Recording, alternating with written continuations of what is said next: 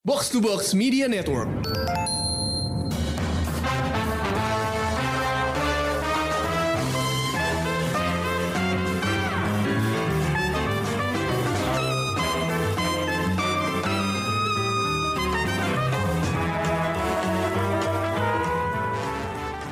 Halo pendengar Showbox, balik lagi bareng gue Amy dan kali ini ada film horor yang mau gue bahas. Eh, filmnya pasti kalian udah tahu dong eh, yang lagi rame di bioskop saat ini yaitu Pengabdi Setan 2 Communion. Gue tadi harus ngecek dulu judulnya, soalnya gue nggak yakin karena gue terlalu cemen buat nonton film itu, jadi gue serahin review ini sepenuhnya ke Ulil sama Krisna. Halo guys. Halo, Emi. Gimana nih? Kalian ketakutan nggak di bioskop nonton Pengabdi Setan 2? Gue sih nggak berani ya. Jujur aja. Kalau gue lebih ke kaget sih. Banyak yang ngagetin sih. Oh, Gua dibilang takut banget sih enggak sih, enggak enggak enggak enggak, enggak setakut itu tapi gue sangat menikmati film ini sih. oh oke. Ya. Jadi bagusan yang kedua apa yang pertama nih? Buat gua sih yang kedua ini lebih superior sih. Oh, wow. Eh mungkin beda-beda kali banyak banget orang yang loh. beda sih pendapatnya. Kayak Ulil beda deh. Iya, gue lebih suka yang pertama. Oke. Kalau dari segi cerita ya, dan segi menakutkannya gue yang pertama sih. Tapi gue setuju sama Krisna kalau yang kedua ini lebih superior. Oh, kenapa sih? Kenapa kalian bilang ini? Maksudnya faktor apa yang bikin film ini jadi eh, mungkin secara sinematis kali ya lebih bagus dari yang pertama? Hmm, Krisna dulu mungkin. Kalau secara teknis sih ya jelas maksudnya karena ini eh, dengan setting yang lebih besar ya. Maksudnya kalau yang di film pertama kan di dalam rumah aja gitu kan satu rumah. Sementara yang di sini kan eh, rumah susun jadi lebih gede kan. Hmm. Ukuran bangunannya lebih gede melibatkan lebih banyak ruangan, lebih banyak lantai, lebih banyak elemen lah gitu. Sama ceritanya juga sih menurut gue karena kan Pengabdi Setan pertama di apa maksudnya masih ceritanya masih fokus ke satu keluarga ini aja gitu kan. Eh kayak penyebab eh, Pengabdi Setannya ini sendiri masih masih belum terlalu dijelaskan kan. Nah, sementara di film kedua ini si sekte rahasia ini nih udah mulai sedikit dibuka sih walaupun walaupun mungkin belum mbak justru apa ya kayak justru menimbulkan banyak pertanyaan baru mungkin tapi udah udah sedikit di inilah dibuka gitu eh, organisasi ini sebenarnya skalanya ternyata cukup gede segala macem. Jadi ya ceritanya juga lebih lebih luas sih kalau menurut gua itu. Itu sih. Hmm, Oke, berarti lebih dari unsur cerita ya, Chris, kalau daripada teknis pembuatannya. Eh, dua-duanya sih, Oh. karena menurut gue sih horornya juga, maksudnya secara formula teror sih mungkin mm, nggak ada yang baru ya, maksudnya kayaknya udah mentok juga sih Scofield semua formula yang mungkin dipakai film horor kayak udah udah dipakai semua di film horor, tapi eh, tetap efektif sih, banyak hal-hal yang efektif memanfaatkan apa ya settingnya di dalam ini mulai dari kayak misalnya tempat pembuangan sampah, kayak ruangan-ruangan eh, apa rumah susunnya, lift segala macem tuh berhasil dimaksimalkan sih menurut gua dengan efektif dan ya efektif sih, Dan Hmm, tidak mengganggu, tidak apa ya, pas lah gitu, nggak nggak nggak berlebihan, nggak nggak kurang gitu, hmm, tetap serem dan tetap bagus. Biasanya sih gue sebenarnya kan gue pernah bilang kali ya di review review film horor kita yang sebelumnya gitu ya. Hmm. Biasanya gue cukup eh, terganggu kalau film horor tuh terlalu gelap berlebih gitu kan. ya. Kayak kayak maksain gelap. Nah, tapi di sini gelapnya itu terasa masuk akal dan tidak mengganggu gue. Justru gue sangat menikmati itu gitu karena dibikin ceritanya emang mati lampu gitu kan karena karena apa ada sebuah badai hujan deras sampai banjir jadi makanya listriknya terpaksa diputus jadi akhirnya kegelapannya itu eh Natural ya. apa terasa masuk akal dan akhirnya emang ampuh untuk atmosfernya juga berhasil memperkuat atmosfernya nggak cuman sekedar gelap-gelapan doang gitu Hmm, oke. Kayaknya gue kebayang sih seperti Iya. apa eh, seraman di film ini. Gue soalnya nonton trailernya aja udah cukup takut gitu ya, makanya Mm-mm. akhirnya gue nggak berani nonton juga gitu. Itu salah satunya adalah karena apa yang gue lihat di trailer itu udah cukup gue deg-degan. Gue nggak kayak gue nggak berani takut gue terpengaruh gitu. Jadi kayaknya gue membuat keputusan yang tepat untuk nggak nonton. Cuman gue penasaran nih sama ceritanya. Kan ada judul, ada subjudulnya nih. Mm-mm. Uh, Pengabdi Setan 2 Communion. Communion tuh bukannya apa sih kalau di agama Nasrani bukannya suatu uh, ib- apa Komuni, iya. Jadi ya kan? Coba Ulil lo bisa jelasin nggak sama gue? Jadi kalau di Nasrani komun itu kan lo menerima darah dan daging kan ceritanya, anggur Hmm. sama roti itu kan. Nah, si pengabdi setan yang kedua ini kan menceritakan lo akan dapetin apa benih baru itu kan. Jadi lo kayak panen gitu. Oke. Nah, eh, analisa gembelnya. Jadi ini menyerahkan orang untuk dipersembahkan ke si setan itu. Si si Oh. sek- si, si cult itu. Karena di akhir cerita eh, keluarganya ini semua dipertemukan di satu ruangan di mana itu yang eh, kalau ingat waktu film pertama eh, mereka 39 tahun sekali itu 29 eh 29. 29 mereka akan ada kayak semacam kayak regenerasi gitu guys. Semacam itu akhirnya eh, di situ kayak dipersembahkan gitu loh Hmm. Untuk dapat jiwa-jiwa barunya lagi. Gue tuh lupa ya kemarin tuh ada sat- satu satu apa namanya? satu line yang bilang kayak pe- persembahan diri ya, Chris. Apa sih yang jadi ya? jadi kodenya mereka itu loh. Wah, gue juga lupa eh. Tapi ya Jadi intinya ada- gitu sih. Sa- Satu Eh, santri sekte ini- satu. Mm-mm. Tiap 29 tahun sekali yang mengadakan ritual komuni ini gimana ya kayak kayak ya itu kayak yang tadi Ulil bilang kayak persem, apa untuk si persembahan eh, si si setannya lah sektenya. gitu. Si pemimpin sekte ini yang dipuja sekte ini gitu. Yang diserahkan apa ya? Jadi ya, Eh, ya itu, jiwa baru cewek jiwa-jiwa manusia. manusia iya jadi mereka tuh cuman mencari sosok cewek doang untuk lanjutkan si sekte ini untuk eh, lanjutin eh, apa namanya eh, benih-benih baru yang mereka tabur yang warna merah-merah itu loh. Astaga. Jadi nyari ya, ya di nyari makanya di, baru ya kayaknya. di setiap 29 tahun itu kan kayak di awal film kan kita lihat yang di eh, tahun 55 ya yang di Bosya itu kan. Ya itu nah itu ada. Jadi kayak itu terjadi di tahun 55 tuh komuninya di situ dan terus kayak banyak banyak ini kan banyak ditemukan jasad-jasad itu kan yang pada sujud itu kan. Nah itu kayak ter, abis terjadi pembantaian lah di situ di mana di situ ya ya ya itu gitu tumbalin. Nah 29 tahun kemudian di tahun 84 di film ini gitu ya komuninya ternyata ternyata apartem rumah susun yang ditempati keluarga ini tuh ya ternyata tempat tem- markas rahasia terbarunya gitulah. Pokoknya baru dibangun setelah tahun 55 itu. Nah jadi kayak tempat komuni yang selanjutnya gitu makanya menjelang menjelang malamnya malamnya tanggal 20 eh, komuninya itu terjadi inilah banyak musibah di di Hmm, rumah susun itu. gitu. Heeh.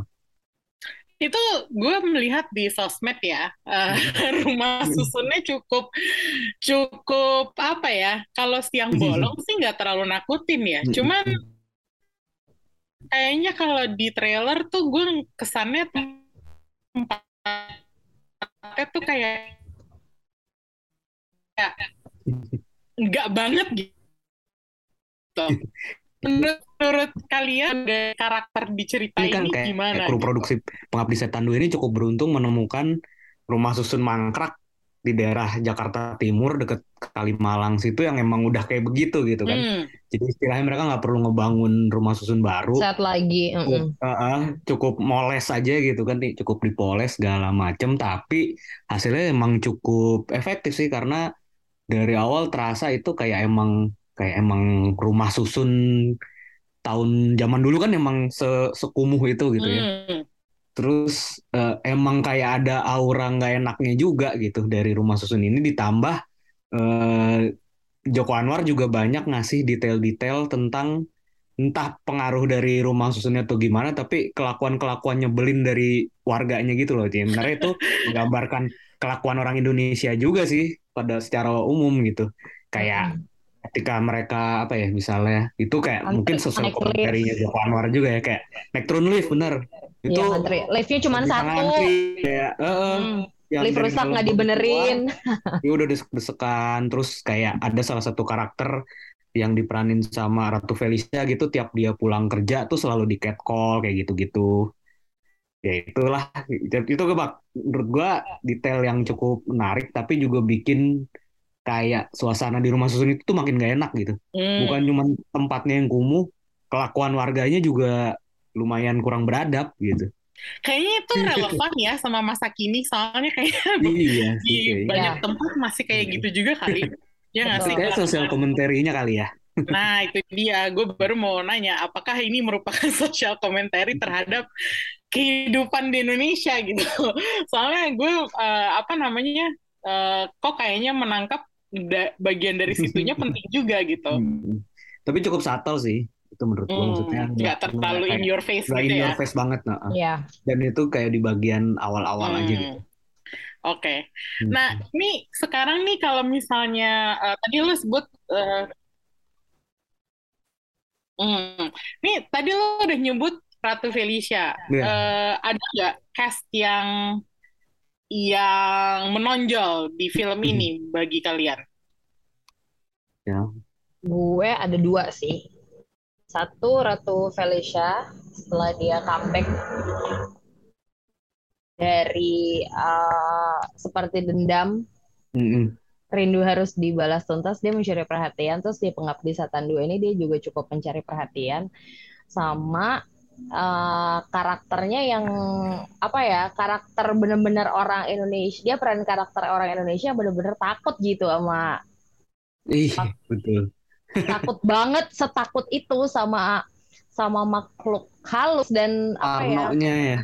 Tuh parah banget gitu sampai kayak dia mau ibadah aja tetap dihantuin gitu sama ada satu anak kecil yang baru nih namanya Wisnu ini anak juga menurut gua Oh, eh, si Muzakir Ramadan ya yang main. Iya, Wazakira. Menurut gue dia cukup ini loh, cukup menarik perhatian dengan dia juga bisa belajar bahasa isyarat, terus kayak anak kecil tapi uh, karakternya kayak orang dewasa karena tekanan hidupnya gitu. Bapaknya tuh yang kayak jahat banget, jadi dia Mm-mm. harus nemenin ibunya terus-terusan dan ibunya tuh uh, bisu gitu.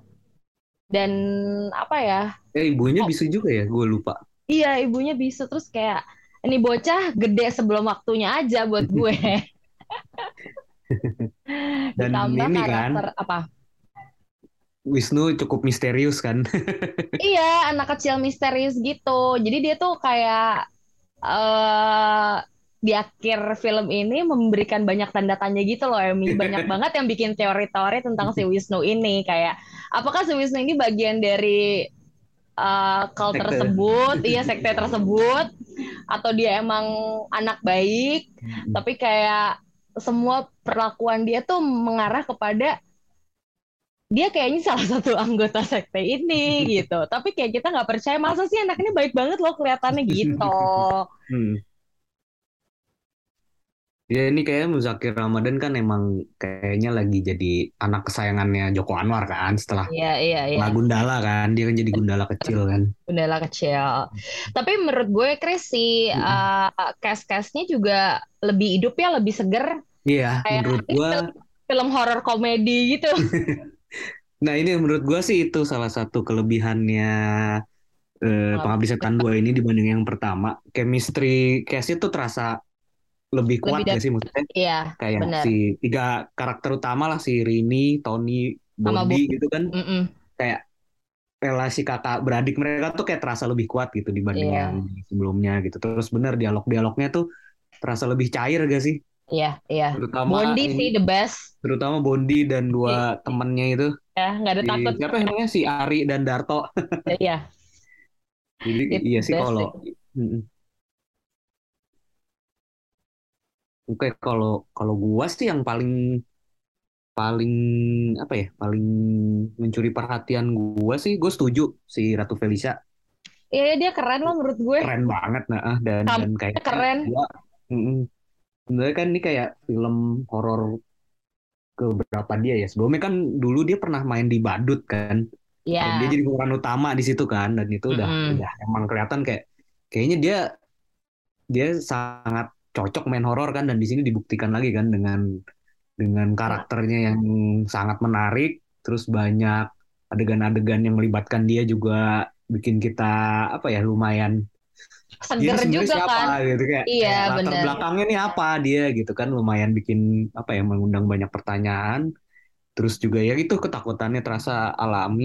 Tapi terus selain selain selain dia gue suka banget sih sama itu dua bocah temennya si Bondi itu dan Bondinya Der- juga ya nggak sih Oh. memberi banyak kesegaran gitu kan di film ini Iya, iya. dan kayak Bahkan apa ya mu- uh-uh. mungkin sedikit terinspirasi karakter-karakter karakter anak kecil di horor kayak Stranger Things atau It gitu kali ya terasa gak sih lagi iya, Iya kan? iya, iya, iya. Apa yang dia bapaknya meninggal tetap masih bisa bercanda gitu loh. iya itu lu- Itu kan lucu sih itu kayak lo sedekat itu mereka bertiga gitu yang dan, sama-sama dan bercandanya cair terasa cair gitu kan nyatanya cair.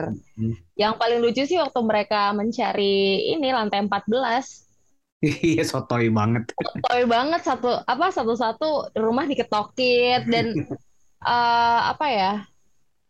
Pada akhirnya tuh gua jadi eh, kagum karena wah nih bocah-bocah analisanya langsung jalan gitu loh, Chris. iya pas Ada ya kan ada ya film horor yang lo tahu ini nggak bener tapi iya iya ya setuju lo- setuju. logikanya tuh nggak jalan gitu. Ini tuh kayak semuanya dari sini bu- terutama ini sih kan karena kan kayak si tak si siapa Rini Tony dan Bondi kan sudah sudah pengalaman dengan kejadian ini kan ya di, di mereka lebih lebih tahu harus kayak gimana terus ya ya betul sih yang lain juga masuk akal kayak ini juga kan kayak si Tari si Ratu Felicia juga yang kayak alami banget kan ketika lu ketakutan lu ketemu Pak Ustadz lega gitu kan Mm-mm, mm-mm. walaupun Pak. Ustadz nggak banyak membantu juga Bener.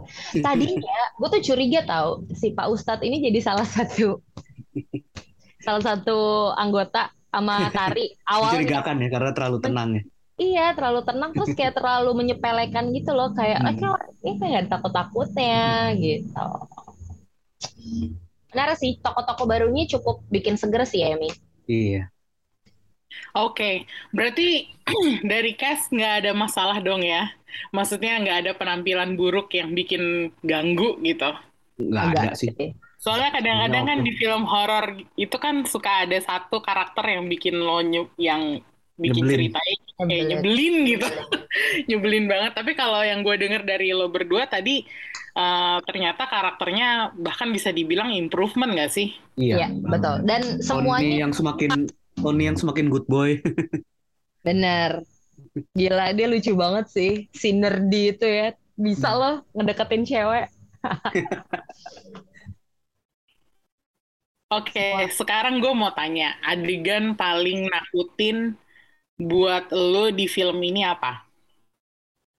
Yang paling ya. hmm. Eh, gua ada ada ada dua sih yang eh ada ada tiga eh gua boleh gak tiga agak banyak ya tapi tiga ini menurut gua cukup menonjol sih di film ini yang pertama tuh adegan lift kecelakaan lift wah, itu banget sih. Eh, karena itu dibanding serem lebih ke menegangkan sih karena di situ kan kejadian horornya belum dimulai kan maksudnya horor horor ininya ya maksudnya lebih kayak halusnya ya. Nah, ah, ini lebih kayak thriller gitu kan, kayak dimulai dari ketika orang-orang yang masuk lift, terus di bawah ada anak-anak kecil lagi main, itu udah terasa wah ini kayak bakal ada yang salah gitu kan. Dan itu juga Indonesia banget ya, Chris. Liftnya cuma 8 orang apa 7 orang yang masuk Iya, ada betul. 12. Ini sem- yang masuk gua sampai ngitungin, ini kayaknya lebih Iya lebih kan? dari delapan deh, belasan lift- orang yang masuk. Lift berhenti malah loncat-loncat supaya turun tuh gimana sih konsepnya? Iya itu itu intens banget, tegang banget dan iya. dan itu secara sinematografi segala macam musiknya juga itu itu keren banget. Ya. Terus selain itu ada adegan ini. Mungkin kalau ini buat penonton yang rada muda sih mungkin kurang relate kali ya. Tapi adegan ketika di lag, apa TV TVRI muter lagu penutup siarannya yang Rayuan Pulau Kelapa itu. Oh, itu creepy langsung semut ya. Ya kan itu kan kayak apa ya Iya, kalau iya, iya. buat yang dulu ngerasain zaman Iya. itu gitu. Itu Gua kayak lu tahu kan lagi. Iya. setelah setelah setelah setelah lagu itu selesai itu Semut. beneran udah nggak ada apa-apa gitu kan kayak akhirnya Iya. bener-bener malam masuk ke fase kesunyian gitu kan udah Iya. ah, belum ada internet nggak ada TV nggak ada radio segala macam dan itu di sini dipakai untuk untuk apa ya Masih sebelum ketegangan. iya sebelum semua terornya dimulai kan? Iya. iya kan? Terus satu lagi terakhir favorit gua sih eh yang ini apa? Tong sampah si Ratu Felicia.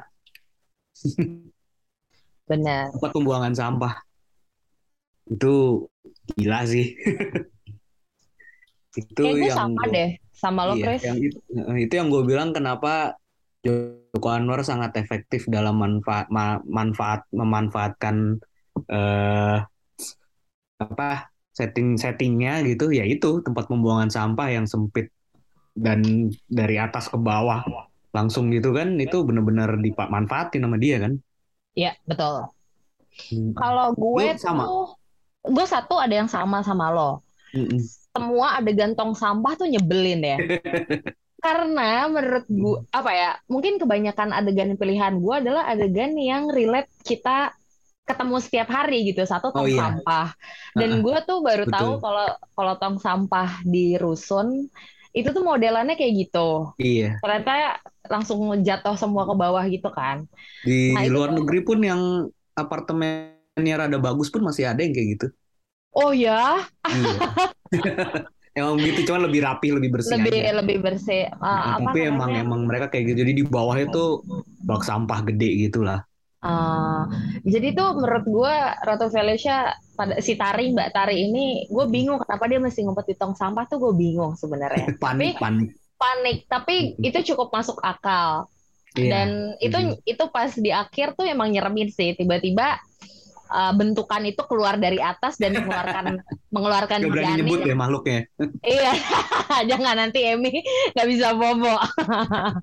Dan dia mengeluarkan janin dari mulutnya tuh nyebelin banget, iya kan? ya itu kan yang yang ibu hamil ini kan Yang 8 bulan itu ya. Iya. Mm-mm. Terus di tong kayak- sampah juga si Wisnu kemakan, eh ketarik ke dalam gitu kan. Mm.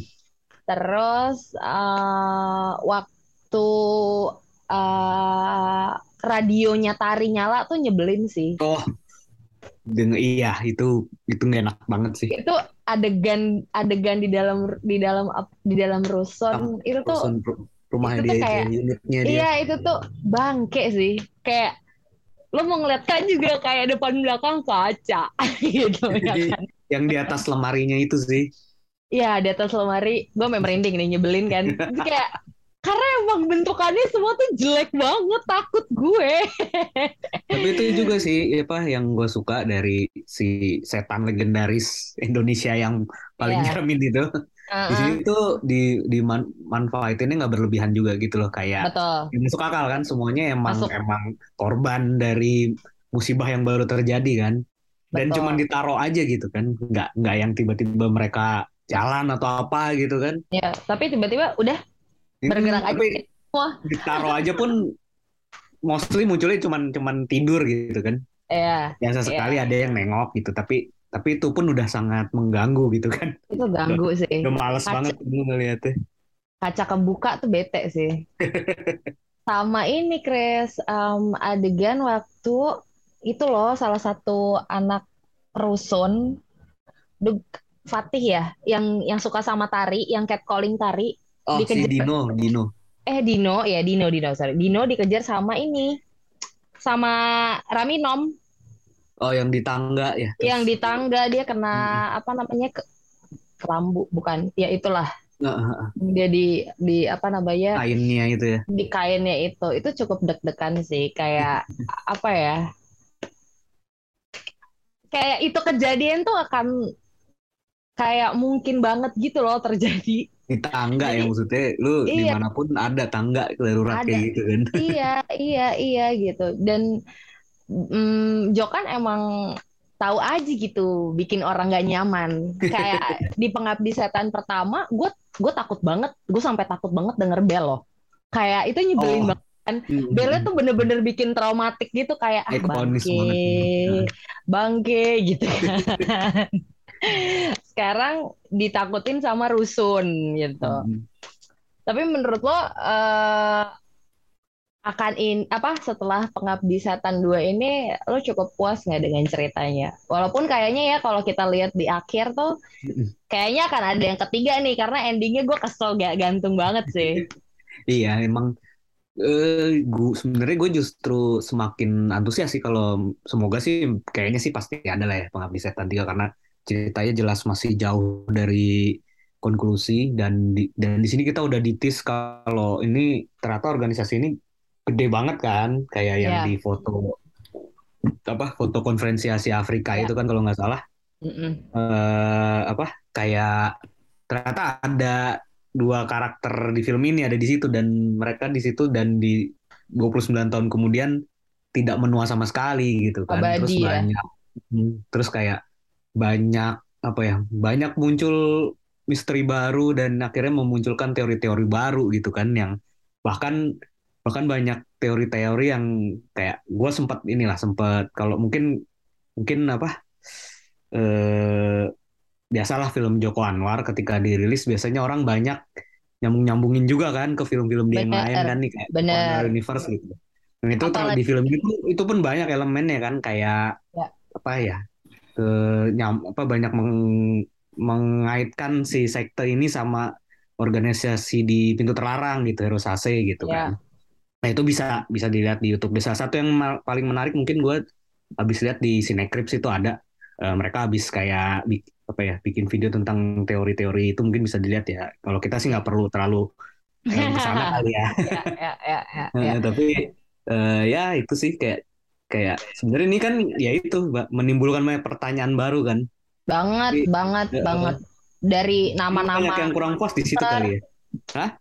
ba- dari nama-nama karakter yang diambil gitu kan. Iya. Kayak uh, Wisnu, Dewa Wisnu gitu-gitu. Iya betul. Oh, Batara tuh kan dewa juga. Batara, iya iya iya. Tapi overall sih menurut gue eh dari perpaduan semua konsep ceritanya dari awal sampai akhir sih cukup ini cukup effort ya karena kan dia yang tadi lo bilang gabungin sejarah KAA, Iya. Bosya, Iya. eh apalagi tuh Petrus. Bisa Hmm. gimana konsepnya bapaknya jadi Petrus pada Tapi saat masuk akal banget karena dia harus menebus banyak nyawa kan. seribu nyawa. Iya iya Seribu iya. Nyawa jadi kayak profesi paling gampang untuk Iya. bunuh ya Petrus gitu kan. Petros. Jadi nggak heran banyak banget teori-teori yang akhirnya keluar setelah Iya. film ini tayang gitu. Anyway, Itu mendengar showbox, sendiri sih. ya. Hmm? Eh, Emmy harus pamit dulu nih, kayaknya ada gangguan. Jadi kita lanjutkan berdua, Chris.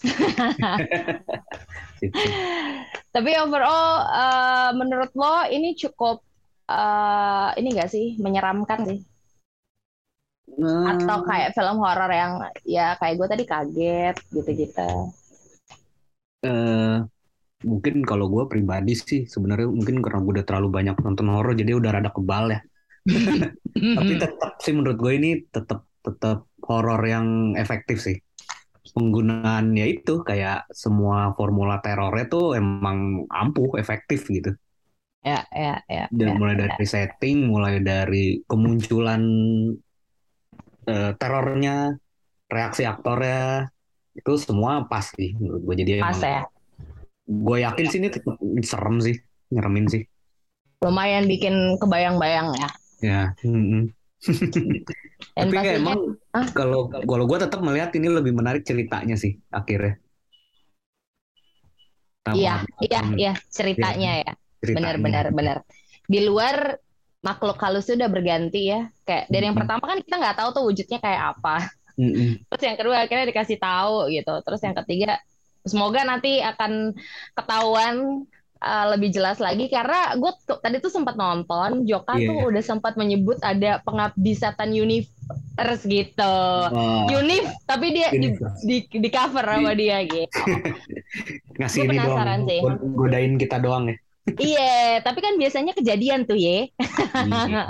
ya, apalagi baru berapa hari ini udah 3 juta penonton, ya Benar. nggak ada alasan nggak buat dibikin lagi sih secara bisnis. Ya, ya. Dan Hmm. mau eh, kasih apresiasi juga buat timnya Jokan, tim artnya gitu yang ternyata Hmm. semua orang me- menduga dia itu dari rusun, dari banjirnya tuh CGI ternyata dia harus Ya. eh, eh, eh, memasukkan berapa ribu liter gitu ke dalam satu lantai. Jadi ya ya superior dan all out banget sih untuk comebacknya film horor ya. Budgetnya gede banget sih ini pasti. Gua nggak tahu persis sih infonya berapa, tapi ini pasti gede banget sih. Yakin iya kelihatan, benar sih. kelihatan dan kelihatan di layar dan semuanya Bener, terasa terasa matang gitu. Yes. Dan warna-warnanya juga bagus sih, Chris. Iya. Sinematografinya bagus dan oh iya tadi eh, kemarin lo sempat ngobrol kak, eh sempat kasih tahu ada apa trigger warning tentang flash.